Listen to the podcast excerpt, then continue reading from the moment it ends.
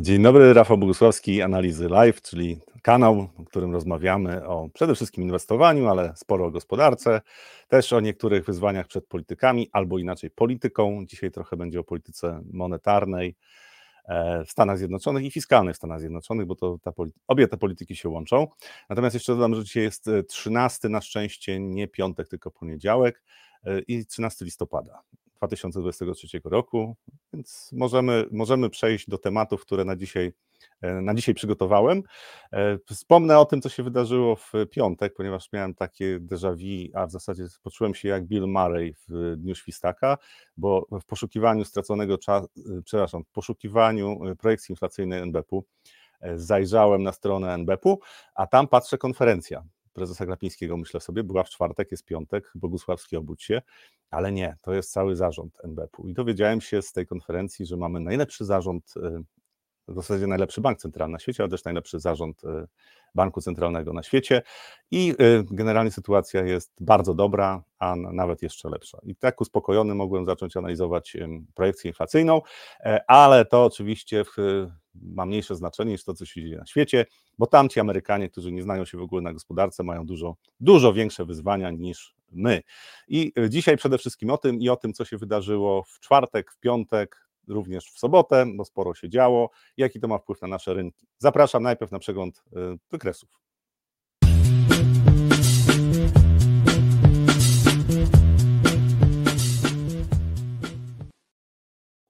E, I zacznę od wykresu indeksu surowcowego CRB.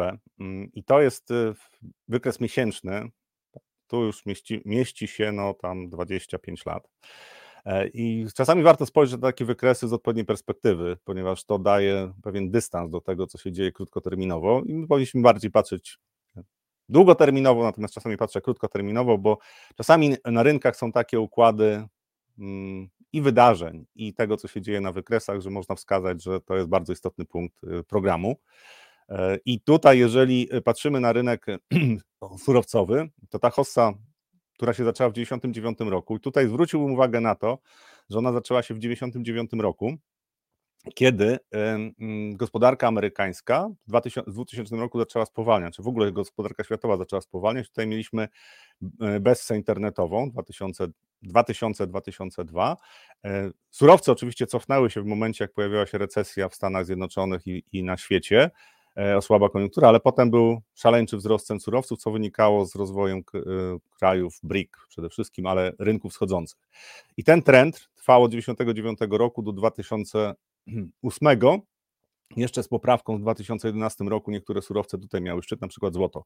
E, I warto patrzeć na takie, na takie trendy, bo naprawdę to są trendy, jak patrzymy na rynek surowcowy, te trendy wieloletnie mają duże znaczenie. Krótkoterminowo na rynkach surowcowych nie jest to aż tak e, istotne, żeby odgadnąć dla inwestora, tak? żeby odgadnąć, co się będzie działo. Natomiast e, jeżeli jestem w stanie przewidzieć trend, który będzie się rozwijał przez następne kilka albo kilkanaście lat, e, to wtedy e, można coś takiego wykorzystać. Teraz to, co się wydarzyło w 2020 roku, czyli tutaj ta panika na rynku surowcowym, przede wszystkim e, rynek ropy naftowej, ten indeks CRB jest obciążony mocno paliwami. Znaczy to, to trzeba pamiętać o tym, że tam ponad 40% to są paliwa. Natomiast jeżeli popatrzymy na te wzrosty tutaj, to były gigantyczne. Tak? Według mnie to jest taka pierwsza fala wzrostowa, która będzie kontynuowana, tylko tutaj ten czas korekcyjny, on może potrwać nawet jeszcze rok. Jeżeli będzie recesja na świecie, to prawdopodobnie jeszcze te ceny surowców trochę tam pospadają. E, nie muszą. Przepraszam bardzo. Nie muszą, ale mogą pospadać. Z dłuższej perspektywy, według mnie, jesteśmy w cyklu, rozpoczęliśmy ten cykl. Tak naprawdę rozpoczęliśmy go tutaj na większości surowców, natomiast w 2016 roku, natomiast ze względu na to, co się wydarzyło spekulacyjnie na rynku ropy, no to mieliśmy poprawkę tutaj w 2020 roku e, i według mnie od tego czasu jesteśmy w trendzie wzrostowym, jeżeli mówimy o rynkach surowcowych i te, takie trendy trwają najczęściej po kilkanaście lat, więc e, patrzę na razie na to, co się dzieje na rynku, na rynku surowców, surowców rolnych, surowców energetycznych. Jesteśmy w ruchu korekcyjnym, który może potrwać no, jeszcze wiele miesięcy. Jeżeli będzie ta korekta w gospodarce amerykańskiej, recesja w gospodarce amerykańskiej, bo w europejskiej według mnie y, jesteśmy na 90% prawdopodobieństwa, że będzie recesja, może niezbyt głęboka, ale będzie, no to pewnie tutaj jeszcze ceny surowców będą zachowały się słabiej, ale w dłuższej perspektywie myślę, że mm, ceny surowców pójdą w górę, bo jesteśmy w odmiennym cyklu e, gospodarczym, czyli te, ten czas od 2008 roku do 2016 roku do 2020 również. Tutaj wiele surowców też miało minima albo blisko minimów było. No to to był czas, kiedy mieliśmy e, czas dezinflacji na świecie. Jesteśmy w tej chwili w cyklu e, proinflacyjnym. Dlaczego o tym mówię? No między innymi dlatego, co się ostatnio wydarzyło na rynku mm, obligacji amerykańskich. To są 30-letnie obligacje e, amerykańskie, skarbowe, czyli rentowności tych obligacji. I jeżeli popatrzymy na trend 30-letnich obligacji, jeżeli chodzi o rentowności, no to tutaj ten trend zdecydowanie był spadkowy i praktycznie każdy, każdy, mm, każdy wzrost rentowności potem kończył się e, spadkiem. E, mieliśmy przesilenie w 2020 roku, mieliśmy i mamy wzrost rentowności 30-letnich obligacji e, w takim stopniu, w jakim wcześniej nigdy takiego ruchu nie było. Według mnie to jest zmiana trendu przynajmniej jeszcze na kilka lat jeżeli chodzi o rentowności obligacji amerykańskich. Natomiast Natomiast jeżeli popatrzymy na to, co się, co się może wydarzyć w perspektywie najbliższych miesięcy, tutaj spadki rentowności są prawdopodobne. Czy jesteśmy na takich poziomach, przy których te spadki rentowności mogą nastąpić? Zaraz o tym powiem więcej w kontekście wydarzeń, które się pojawiły w ostatnim czasie. Jeżeli, jeżeli popatrzymy też na rentowności obligacji dziesięcioletnich, to tu sytuacja jest podobna. Amerykańskie rentowności obligacji dziesięcioletnich też trend spadkowy bardzo silny wzrost, według mnie zmiana trendu, co nie oznacza, że tutaj nie może być korekcyjnych ruchów, czyli w okolicy 3% na przykład możemy e, się pojawić, jeżeli chodzi o rentowności obligacji amerykańskich. O obligacjach za chwilę więcej, bo tutaj według mnie dużo ciekawych rzeczy się dzieje i dzieją się rzeczy, które e, ja zapowiadałem już co najmniej od dwóch lat. Wspominałem o nich, ale zapowiadam od wielu miesięcy, że e, to, co grozi na rynkach światowych obligacyjnych, to jest przede wszystkim kryzys płynnościowy, czyli w pewnym momencie zabraknie e, chętnych do tego, żeby kupować wystarczającą, wystarczająco dużo obligacji, żeby utrzymać je na niskich poziomach rentowności. Znowu podkreślam, to nie oznacza, że tutaj w najbliższym czasie nie może być spadków rentowności. Jeżeli gospodarka amerykańska mm, spowolni, to e, rentowności pospadają, bo w pierwszym odruchu inwestorzy będą chcieli kupować obligacje, no bo trzeba uciec do obligacji. Natomiast w trochę dłuższej perspektywie obawiam się, że tak dobrze nie będzie, bo o to dba innymi Departament Skarbu e, amerykański. Przejdźmy do rynków akcyjnych. I tutaj y, Nasdaq, mm, to już jest dzienny wykres, tak, w bardzo silnym wzroście. W czwartek mieliśmy spadki, jedna sesja spadku, e, która była pochodną tego, co się wydarzyło e, z, na rynku długu, e, a w zasadzie przetarg, mało udany przetarg na obligacje 300-letnie amerykańskie. I tutaj jed, jeden dzień spadku i potem bardzo szybki wzrost, ponad dwuprocentowy. E, patrząc na, na siłę tego ruchu, wydaje mi się tak, po pierwsze, że najbliższe kilka dni tutaj może przynieść jakieś ruchy korekcyjne, spadkowe. Jak one głębokie będą, nie wiem. Ale może też być tak, że po prostu y, inwestorzy byli tak źle spozycjonowani tutaj, jak były minima na początku listopada, że ten ruch będzie kontynuowany i dopiero z wyższych poziomów taki ruch korekcyjny pójdzie. Zazwyczaj takie ruchy korekcyjne się pojawiają. Znaczy ja od razu mówię, że to jest moja prognoza, y, to, czego się spodziewam na rynku. Zakładam, że te wzrosty będą kontynuowane, zarówno na Nasdaqu, jak i na SP500.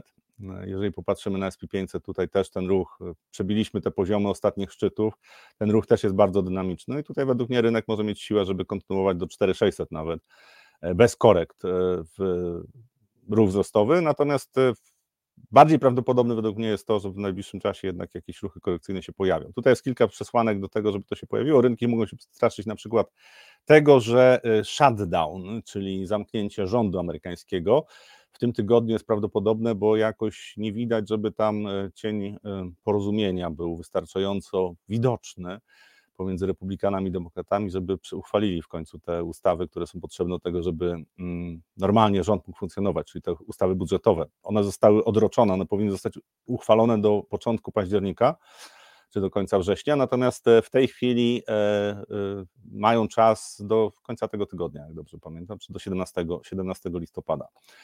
Jutro ma być, jutro mają być rozmowy, natomiast nie jest pewne, czy speaker Izby Reprezentantów, który jest z ramienia Partii Republikańskiej, będzie miał wystarczającą siłę oddziaływania na to prawe skrzydło republikańskie, które nie chce finansować wojny na Ukrainie, a przynajmniej nie w takim stopniu. Teraz są jeszcze dodatkowe wydatki związane z wojną w Izraelu, więc tutaj, tutaj są E, bardzo rozbieżne interesy i, i, obawiam się, że to za chwilę możemy zacząć tym żyć, więc pretekst do korekty tutaj może się pojawić. Y, jutro też będą dane z, e, o inflacji ze Stanów Zjednoczonych i tam też pretekst do korekty może się pojawić. Natomiast patrząc trochę tak w dłuższej perspektywie, ja uważam, że jesteśmy w trendzie wzrostowym, który będzie kontynuowany, być może do stycznia, być może do marca, kwietnia. E, I to jest moja prognoza. Ja podkreślam, to nie jest tak, że ja jestem w stanie powiedzieć, że to się wydarzy. I tutaj to jest po prostu pewien przewidywanie. Zaraz powiem, dlaczego tak przewiduję, też w tej części, w której pokażę informacje, które napływają z amerykańskiej gospodarki. Natomiast jeżeli popatrzymy na, e, na to, co tutaj się działo, e, to warto też zwrócić oczywiście uwagę na to, co się działo z WIG-iem, albo z WIG-iem, albo z WIG-iem 20.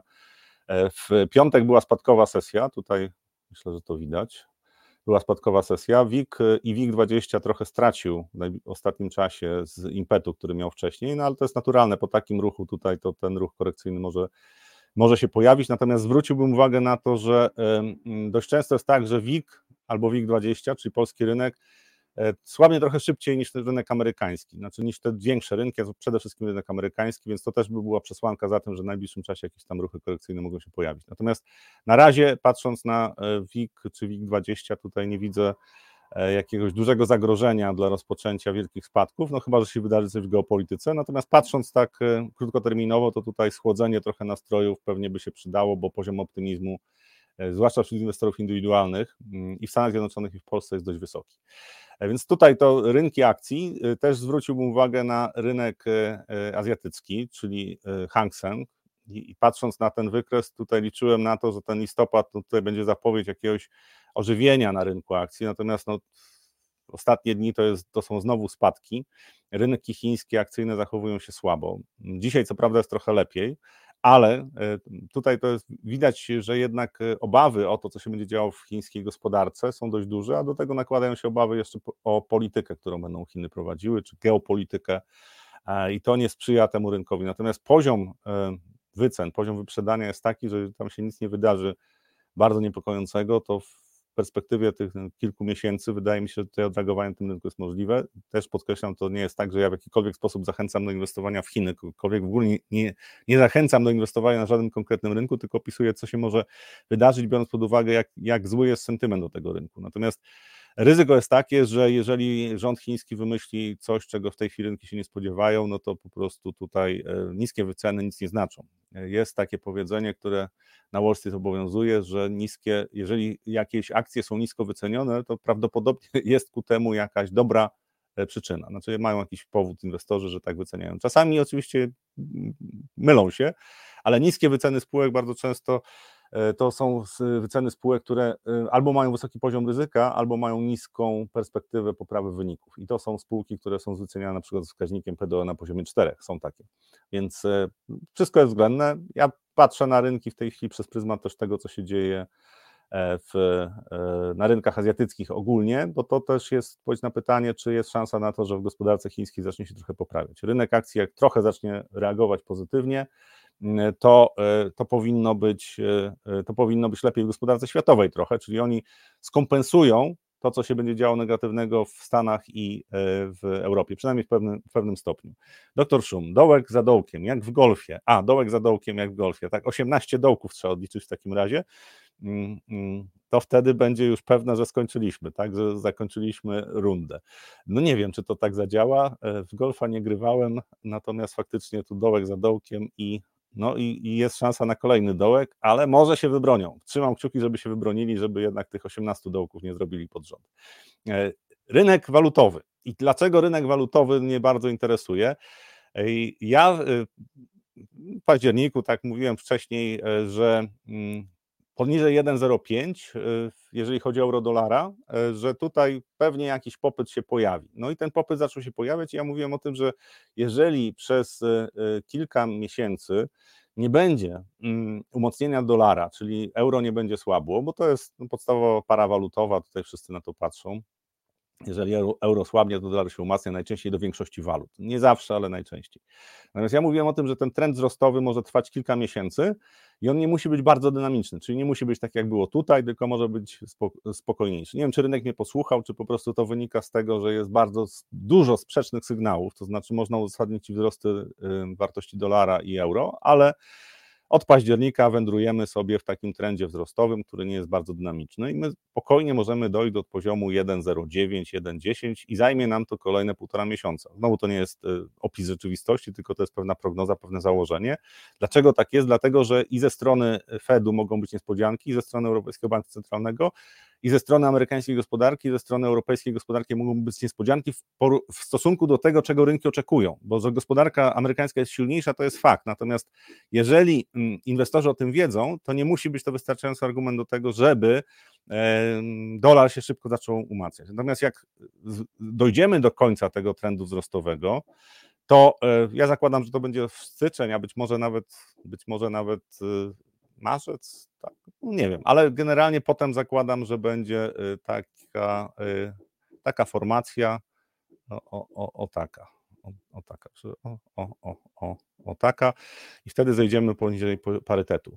E, co będzie związane oczywiście z pogorszeniem sentymentu e, na rynkach światowych, ale przede wszystkim pogorszeniem sentymentu do rynku europejskiego. Znaczy tutaj e, strefa euro według mnie będą się ujawniały problemy, jeżeli chodzi o ryzyka kredytowe również, i to mm, strefa euro jest dużo bardziej narażona na ryzyka kredytowe niż Stany Zjednoczone, a kredytowe to jest wiarygodność y, poszczególnych krajów. Tak? Spółki to jest oddzielny segment, ale patrząc na, na to, że strefa euro jest y, zlepkiem krajów, no to tutaj to ryzyko kredytowe jest istotne i tutaj może się dużo zacząć dziać, jeżeli chodzi o euro, dla, między innymi dlatego, że Włochy będą miały duże wyzwania. Znaczy na razie wygląda na to, że te wyzwania nie zostaną E, problemy nie zostaną rozwiązane zbyt szybko przez rząd pani Meloni. Jeżeli popatrzymy na złoty, e, dolar złoty, to tutaj mamy tak po, po silnym e, umocnieniu złotego, czyli osłabieniu dolara, mamy kontynuację tego. To jest też oczywiście pochodna tego, że nie, była pod, nie było podwyżki mm, mm, stóp procentowych, obniżki stóp procentowych, przepraszam, na ostatnim posiedzeniu i konferencja prezesa Kapińskiego była dość jastrzębia, natomiast też mm, słabszy dolar, tak, no to też jest coś, co, co tutaj w tym kontekście pomaga e, polskiemu e, złotemu. E, ekonomiści PKO SA, czyli pięcioliterowy PKO, twierdzą, że jest sporo argumentów za tym, że złoty się dalej umacniał, między innymi bardziej jastrzębia polityka RPP i pieniądze z KPO. Natomiast y, no myślę, że luzowanie fiskalne będzie na tyle duże, jeżeli chodzi o rząd. E, zakładam, że będzie rząd, który jest opozycyjny do, do, dzisiejszego, natomiast to, to będzie wystarczająco silne, żeby, żeby złoty tak mocno nie zyskiwał. E, na euro.pl tutaj widać też w stronę 4,40 zmierzamy. Jeżeli popatrzymy w trochę dłuższej perspektywie, to tutaj wydaje mi się, że poziom 4,35 to jest bardzo dobry poziom, żeby się zatrzymać na, na dłużej. 4,30, 4,35 to są takie poziomy, przy których rynek pewnie wyhamuje, zakładając, że nie następuje pogorszenie sentymentu na rynkach światowych. Złoty polski bardzo mocno zależy od tego, e, co się dzieje w e, przepływach kapitałów, czyli jak mamy risk off, e, to jest gorzej dla złotego, jak mamy risk on, to jest lepiej dla złotego. Czyli taki krótki przegląd sytuacji na rynkach. Zwracam uwagę przede wszystkim na te obligacje amerykańskie i zaraz o tym zacznę mówić więcej, bo te obligacje amerykańskie to jest coś, co będzie rzutowało na postrzeganie ryzyka, e, na mm, rentowności obligacji innych krajów, między innymi Polski. E, tutaj wydaje mi się, że ten wpływ będzie coraz większy, bo inwestorzy zaczęli dostrzegać, gdzie tkwi problem. E, I teraz przechodząc do tego, co. O, przepraszam, tutaj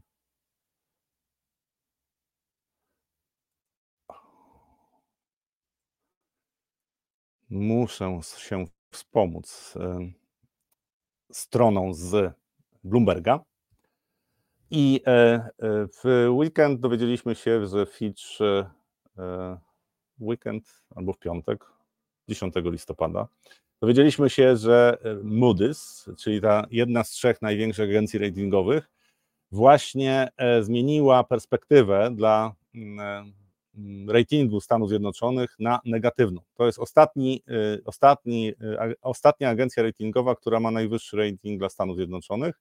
Fitch i SPP i SPP, SP, S&P, przepraszam, S&P już wcześniej obniżyły rating Stanów Zjednoczonych, no i teraz Moody's mówi, że będzie podążał w tym samym kierunku. Oczywiście to jest to samo, to samo uzasadnienie, które pojawiało się wcześniej ze strony Fitcha i S&P, E, czyli bardzo duży deficyt i polityczna polaryzacja, jeżeli chodzi o, o scenę polityczną Stanów Zjednoczonych, tam e, sensowne porozumienia są coraz mniej prawdopodobne. I to jest coś, co jest jakby e, dodatkową, dodatkowym takim bodźcem, który może w najbliższym czasie wywołać jeszcze większą nerwowość na rynku obligacji amerykańskich.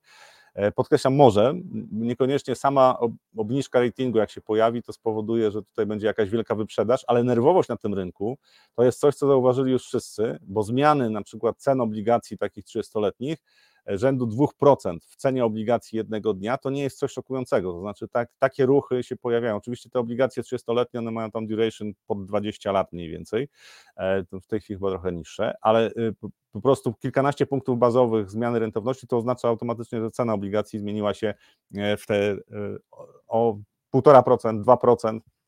I to jest coś, z czym inwestorzy muszą żyć. I problemy zaczyna, zaczęły się pojawiać, i te problemy nasilają się.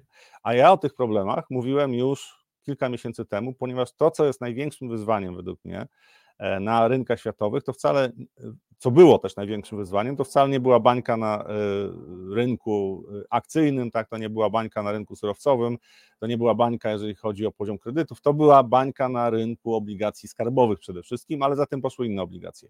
I teraz, jeżeli popatrzymy na to, co się dzieje w Stanach Zjednoczonych w tej chwili, to zaczyna być, jesteśmy blisko już e, takiego poziomu zainteresowania, jeżeli chodzi o problemy na amerykańskim rynku długu, że paradoksalnie możliwość odreagowania, jeżeli chodzi o rentowność, czyli spadek rentowności wzrost obligacji, jest dość wysoki, bo jak już Bloomberg o tym e, pisze. Liczyłem artykuły, ale się pogubiłem. No, nie umiem liczyć więcej niż do 30, żartuję, ale e, po prostu tych artykułów jest tak dużo z ostatniego tygodnia, że wszyscy o tym piszą. To znaczy, że już jest gdzieś blisko taki moment przesilenia, to znaczy, że wszyscy o czymś wiedzą i w końcu to dostrzegli. A co dostrzegli? Jeżeli popatrzymy na, na te informacje, które wcześniej się pojawiały, to jest taki artykuł w zasadzie felieton, że amerykański deficyt budżetowy eksploduje jak nigdy przedtem. Tylko, uwaga, to nie jest z ostatnich dni, to jest artykuł z 25 sierpnia. I wtedy już były, był duży niepokój związany z tym, że jak podnieśli sobie politycy y, limit zadłużenia, e, czyli e, na początku czerwca, znowu mogli się radośnie zadłużać, bo wcześniej mieli ten kap nałożony na 31,4 31,4 biliona dolarów, podnieśli, od razu przystąpili do sprzedawania obligacji, e, czyli dług zaczął rosnąć, wzrósł o 2 biliony, mniej więcej trochę ponad o 2 biliony i w tej chwili jest plan, żeby wzrósł o kolejne 1,5 biliona w ciągu następnych 12 e, e, miesięcy, a w zasadzie do końca, do końca mm, roku, roku fiskalnego, czyli do końca września przyszłego roku. Kolejne 1,5 biliona nowego długu. I bardzo ciekawe rzeczy się dzieją, ponieważ Janet Yellen, to jest wypowiedź sprzed dwóch tygodni, ja przepraszam, że tak nie na bieżąco, ale historycznie, bo to warto, warto, warto zwrócić uwagę na to, co, co się dzieje i jak zaklinają rzeczywistość politycy. Pani Yellen powiedziała, to jest y, szefowa Departamentu Skarbu, tak? E, czyli sekretarz e, Departamentu Skarbu, nie powiem sekretarka, bo to w polskim e, słowniku znaczy trochę coś innego, niż chciałbym, żeby to okazać szacunek do tej pani. Ona powiedziała, że wzrost rentowności obligacji nie jest wynikiem tego, że mają wielki deficyt i że emitują obligacje, tylko z powodu silnej ekonomii. I jeżeli by mówiła to, no, pomijam fakt, że nigdy nie jest tak, że jeden czynnik powoduje jakieś problemy, najczęściej jest kilka składowych, które się trzeba zebrać dopiero wtedy, żeby pojawił się jakiś duży problem. Jeżeli popatrzymy na to, co się, co się dzieje w Stanach Zjednoczonych, to jeżeli pani Jelen wierzyłaby naprawdę w to, co mówiła, tak, że y, deficyt nie jest problemem i że tylko gospodarka, siła gospodarki powoduje wzrost rentowności, to znaczy, że nie ma pojęcia o tym, jak funkcjonuje gospodarka i rynek kapitałowy. Zakładam, że tak nie jest. Znaczy ona mówi to jako polityk i po prostu czegoś innego nie może powiedzieć, bo musi zaklinać rzeczywistość. A dlaczego musi zaklinać rzeczywistość? Bo emisja długu amerykańskiego jest tak duża, że zaczyna się rynek dławić, to znaczy nie ma chętnych, bo y, Chińczycy sprzedają portfel obligacji, e, Japończycy nie kupują, y, Arabia Saudyjska nie kupuje amerykańskich obligacji i zaczyna być problem. Gdzie ten problem się pojawił? Jeżeli popatrzymy na, na to, co się wydarzyło w ubiegłym tygodniu, ten czwartek nieszczęsny, e, to e, bardzo dużo artykułów się pojawiło na temat tego, jakie jest ryzyko w tej chwili związane właśnie z tym, co się dzieje na przetargach obligacji skarbowych. Departament Skarbu chciał uplasować obligacje 30-letnie o wartości 24 miliardów dolarów i po pierwsze musiał podnieść e, rentowności, czyli sprzedać taniej niż chciał, a w dodatku 25% e, tej e, emisji musieli objąć, objąć primary brokers, czyli te, te, firmy, te instytucje, które odpowiadają za to, żeby dopiąć taką emisję. To są też firmy, które handlują obligacjami, duże banki inwestycyjne przede wszystkim. I to spowodowało, że jednego dnia tak Nasdaq spadł tam ponad 1%, rentowności obligacji z 10-letnich, dwuletnich i 30-letnich, no, cała krzywa, podniosła podniosła się mocno do góry. E, e, dlaczego e, poszła mocno do góry? Tak, dlaczego? Dlatego, że inwestorzy zaczynają zauważać, że ta emisja długu, którą Departament Skarbu spróbuje plasować na rynku, jest bardzo trudno absorbowalny. To znaczy, już nie ma wystarczająco dużo chętnych, którzy chcieliby kupować amerykańskie papiery. To będzie rzutowało według mnie na najbliższe miesiące, na najbliższe lata, ponieważ nie sądzę, żeby rząd amerykański był w stanie szybko e, zrównoważyć budżet. To znaczy, ten deficyt będzie utrzymywał się na wysokim poziomie. To dotyczy też Polski pośrednio, znaczy też nie wierzę w to, że w Polsce deficyt budżetowy zostanie szybko obniżony, a emisja długu będzie bardzo duża. W przyszłym roku 250, 280 albo nawet ponad 300 miliardów jeszcze potrzeba do pozyskania długu, biorąc pod uwagę rolowanie długu. Tak? Z rolowaniem jest prościej, bo niektórzy inwestorzy po prostu zostają na, na rynku, nie trzeba szukać nowych, natomiast nowego długu no, prawdopodobnie będzie ponad 170-190 miliardów y, złotych. Jeżeli tak, no to myślę, że tutaj y, rentowności obligacji i w Stanach, i w Polsce nie muszą specjalnie spadać. Piotr y, pisze, to jeśli tak ma się sytuacja USA, Chiny, Europa, potencjalne problemy, to gdzie pan Rafał widzi szansę? Ale ja mówię o rynku obligacji i to nie oznacza, y, że mm, ja spodziewam się gigantycznego załamania, jeżeli chodzi o gospodarkę e, i rynki akcyjne też na rynku obligacji, po tym, co się wydarzyło, tutaj w najbliższym czasie też nie musi to być coś, co spowoduje, że E, znaczy te, te problemy z plasowaniem emisji, że tutaj będzie wielka wyprzedaż, która zostanie uruchomiona natychmiast. E, przy słabnięciu gospodarki amerykańskiej przez pewien czas popyt na obligacje będzie na wyższym poziomie, jeżeli ten scenariusz się zrealizuje. Natomiast e, i to, to będzie pomagało przez pewien czas rynkom obligacji. Natomiast pytanie, co się stanie, jeżeli gospodarka amerykańska po spowolnieniu lekkim wejdzie w fazę ponownego ożywienia i gdzie wtedy będą rentowności obligacji amerykańskich. Więc e, ja zwracam uwagę na to, że jak e, ta, mm, ten mm, wielka kula długu rządowego, ona w Stanach Zjednoczonych bardzo szybko rośnie i to jest wyzwanie.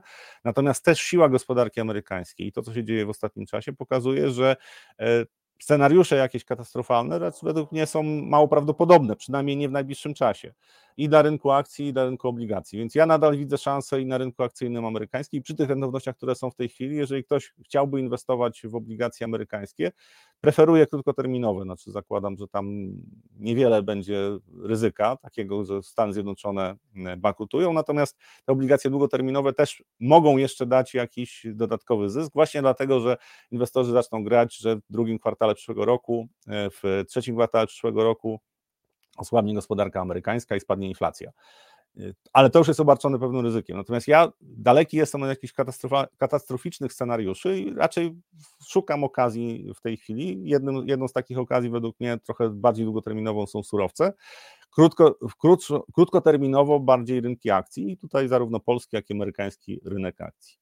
E, pytanie Arkadiusza, a co może spowodować powrót chęci do kupowania rynku obligacji amerykańskich? E, jeden z powodów może być taki, że po prostu będzie short squeeze, bo tam e, spozycjonowanie inwestorów jest takie, że nie chcieli mieć obligacji, jeszcze grali na kontraktach terminowych na spadki, więc może się okazać, że za chwilę będą musieli zamykać e, pozycje. A drugi jest taki, że inflacja, na przykład ta, która pojawi się w czwartek, będzie niższa niż, e, we wtorek, przepraszam, jutro, ta będzie niższa niż spodziewana i może się okazać, że inwestorzy zaczną znowu zakładać, że Fed nie podniesie stóp procentowych, że będzie je szybko, szybciej obniżał niż to wcześniej zapowiadają, no i będzie przesunięcie przynajmniej krótkoterminowo, będzie poprawa nastrojów.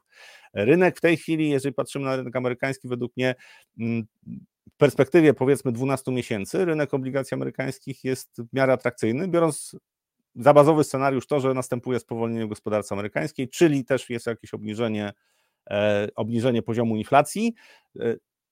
Tu trzeba jeszcze popatrzeć oczywiście na świat. Nie ma, nie ma na przykład blokady cieśniny Ormus, tak? bo wtedy ropa naftowa wędruje tam na 120 dolarów, no i możemy zapomnieć o dezinflacji.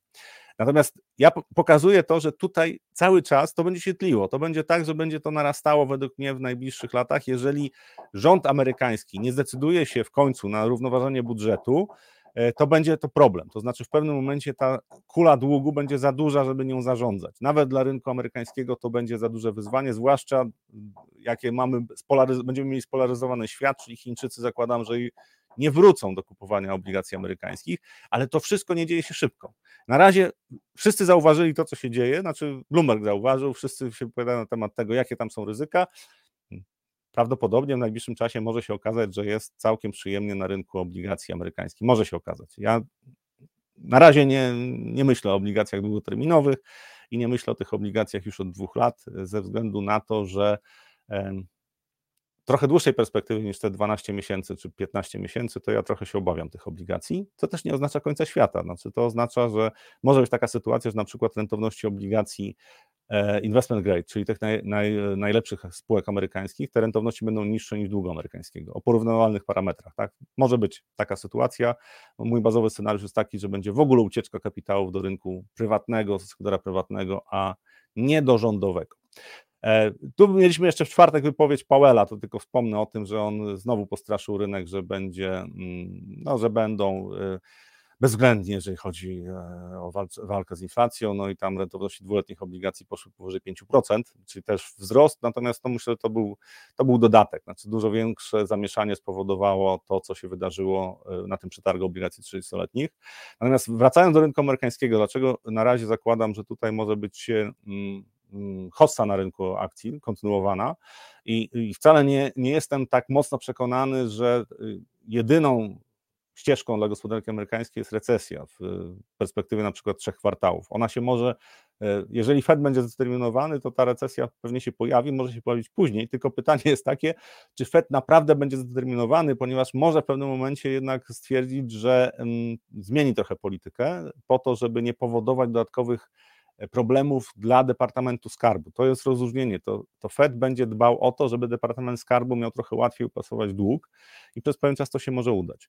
E, tutaj oddział Fedu w Chicago, oni publikują taki indeks, e, który obrazuje, National Financial Condition Index, to, to obrazuje mniej więcej sytuację, jeżeli chodzi o zaostrzenie sytuacji na rynku kredytowym, jak wygląda sytuacja, jeżeli chodzi o finansowanie w gospodarce. I to jest indeks, to nie tylko stopy procentowe, które są brane pod uwagę, ale też na przykład są brane pod uwagę e, spready pomiędzy obligacjami, tak, czy jest popyt na obligacje o podwyższonym ryzyku.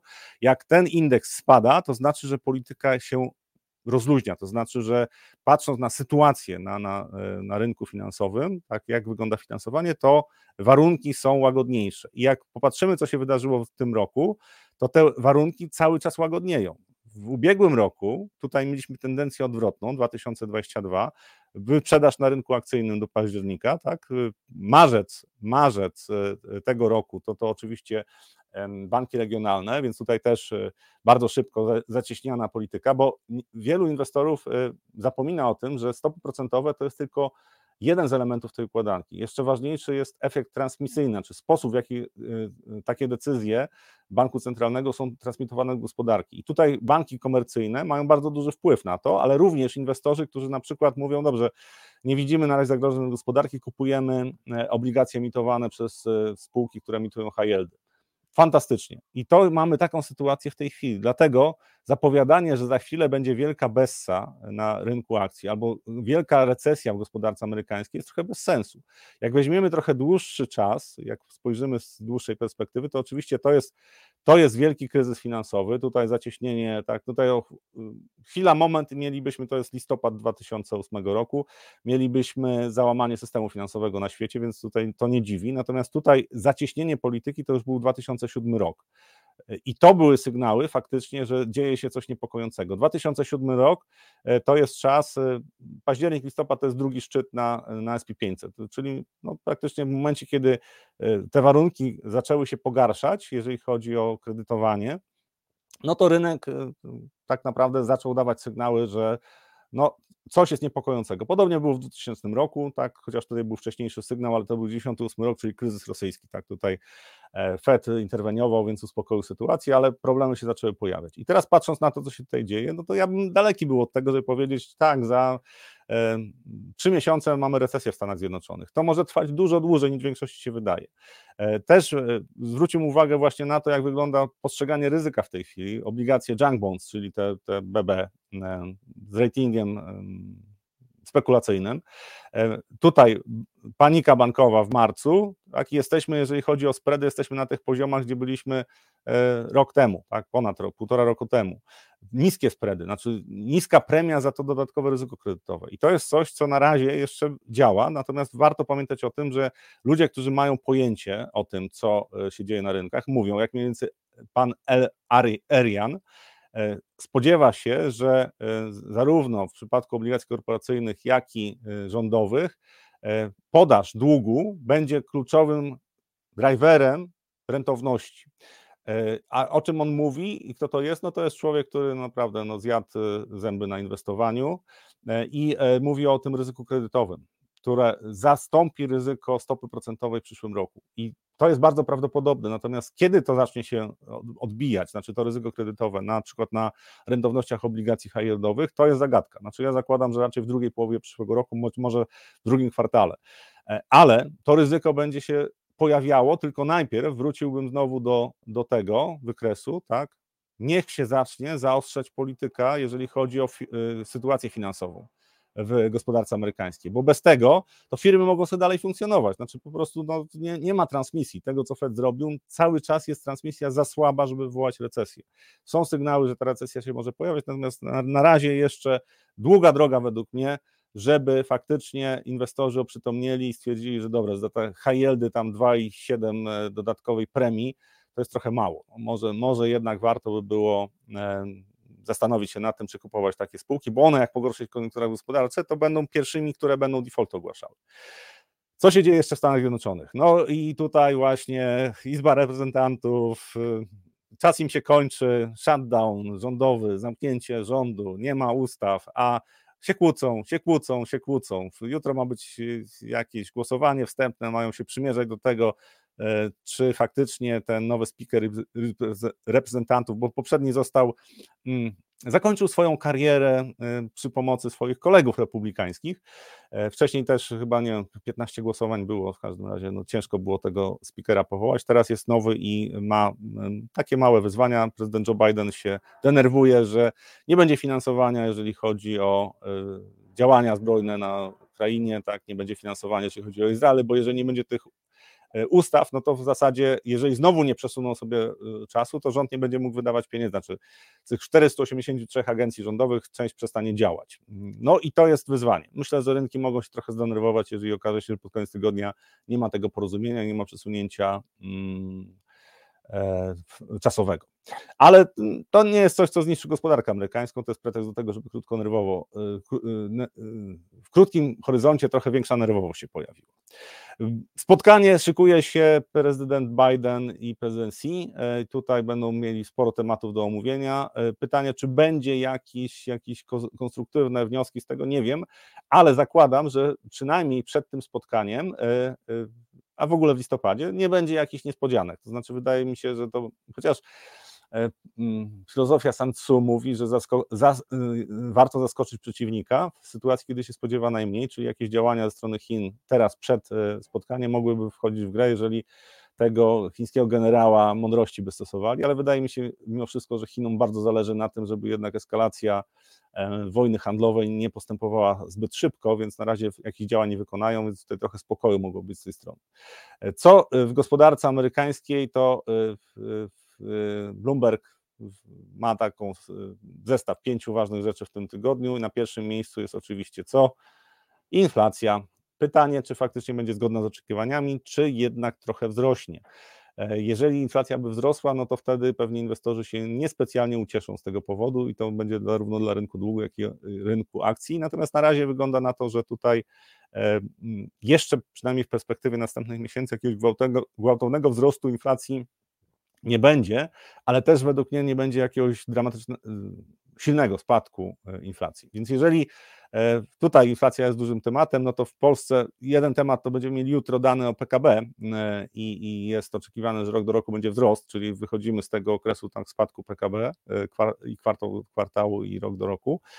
Natomiast no to jutro, to pewnie jutro trochę więcej o tym powiem. Natomiast z raportu projekcji inflacyjnej no, 2025 rok i stabilizacja inflacji bazowej na poziomie 3,8. 2025 rok, czyli w zasadzie w, mamy jeszcze ponad mm, dwa lata do tego, żeby y, nadal nie znaleźć się w, nawet w górnym ograniczeniu korytarza. Oczywiście mówimy o inflacji bazowej, y, y, częściej mówi się o inflacji CPI, natomiast inflacja bazowa pokazuje to, jak trudno jest jak trudno według mnie w Polsce będzie zbić inflację, nie tylko dzięki czynnikom zewnętrznym, czyli cenom żywności, częściowo wewnętrzne, tak, ale przede wszystkim cen, ceny paliw i ceny energii.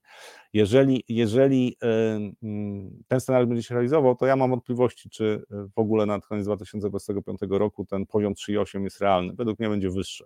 Znaczy my będziemy mieli e, trwale inflację na wyższych poziomach. Natomiast w porównaniu do poprzednich, do poprzedniej projekcji inflacyjnej, tutaj tych zmian dużych nie ma. E, trochę są, jest niższa, e, niższa inflacja w 2023 i 2024 roku oczekiwana. Natomiast tutaj NBP zaczyna dostrzegać, e, to jest inflacja CPI, zaczyna dostrzegać, że mm, ta ścieżka później może być, spadku inflacji może być znacznie bardziej oporna na to, żeby spadała dalej. Czyli 2025 może się okazać, że tutaj będą działały czynniki, które spowodują, że inflacja w Polsce będzie według mnie powyżej 5% średnio, ale to moja opinia. Natomiast e, też e, NBP zakłada, że będzie nieco wyższa dynamika płac i przy wzroście prognozowanym na 2025 powyżej 3% PKB i wzroście e, płac, no to jeżeli nie mamy recesji w najbliższym czasie, to naprawdę ta ścieżka dezinflacyjna w Polsce jest według mnie mało prawdopodobna, ale to jest moja opinia. Mogę się mylić. Ja spodziewam się, że jeżeli nie będzie jakiejś gwałtownej e, wolty ze strony e, NBP-u, Rady Polityki Pieniężnej, czyli nie okaże się, że jednak podnoszą stopy procentowe, to zakładam, że będzie w Polsce inflacja utrzymywała się na wyższych e, poziomach niż to wynika z tej projekcji. Mm, I jednym z argumentów za tym jest to, co też ekonomiści z PKO pięcioliterowego, to są ci ekonomiści, którzy E, najsilniejszą, znaczy najgłębszą ścieżkę dezinflacji prognozują, zakładają, że po prostu inflacja w Polsce przestanie problemem, ale pokazali, jak wyglądają ex ante e, realne stopy procentowe, czyli po uwzględnieniu inflacji.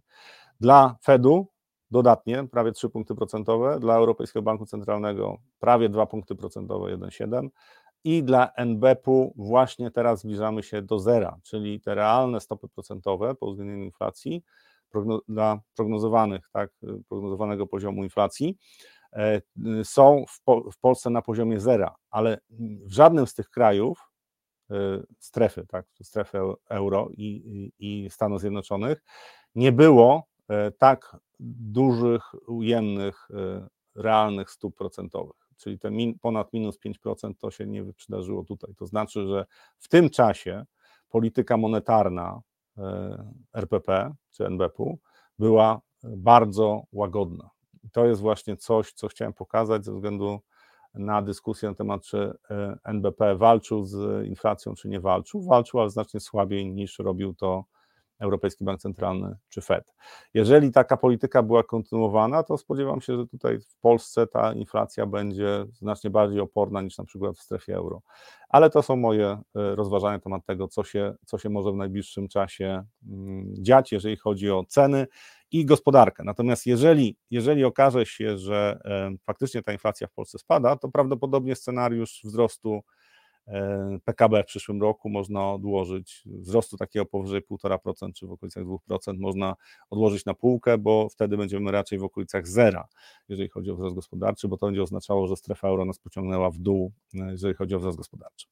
E, to na dzisiaj to już wszystko, wszystkie tematy. Jutro trochę o tym PKB pewnie a konto tego PKB, które ma się pojawić, jeżeli chodzi o polską gospodarkę. Tam jest kilka pozytywnych czynników, wydaje mi się, że warto o tym powiedzieć. E, między innymi dlatego zakładam, że WIG może się całkiem dobrze zachować w najbliższym czasie. Na dzisiaj to już e, wszystko. Zapraszam na jutro na 8.45, jak zwykle.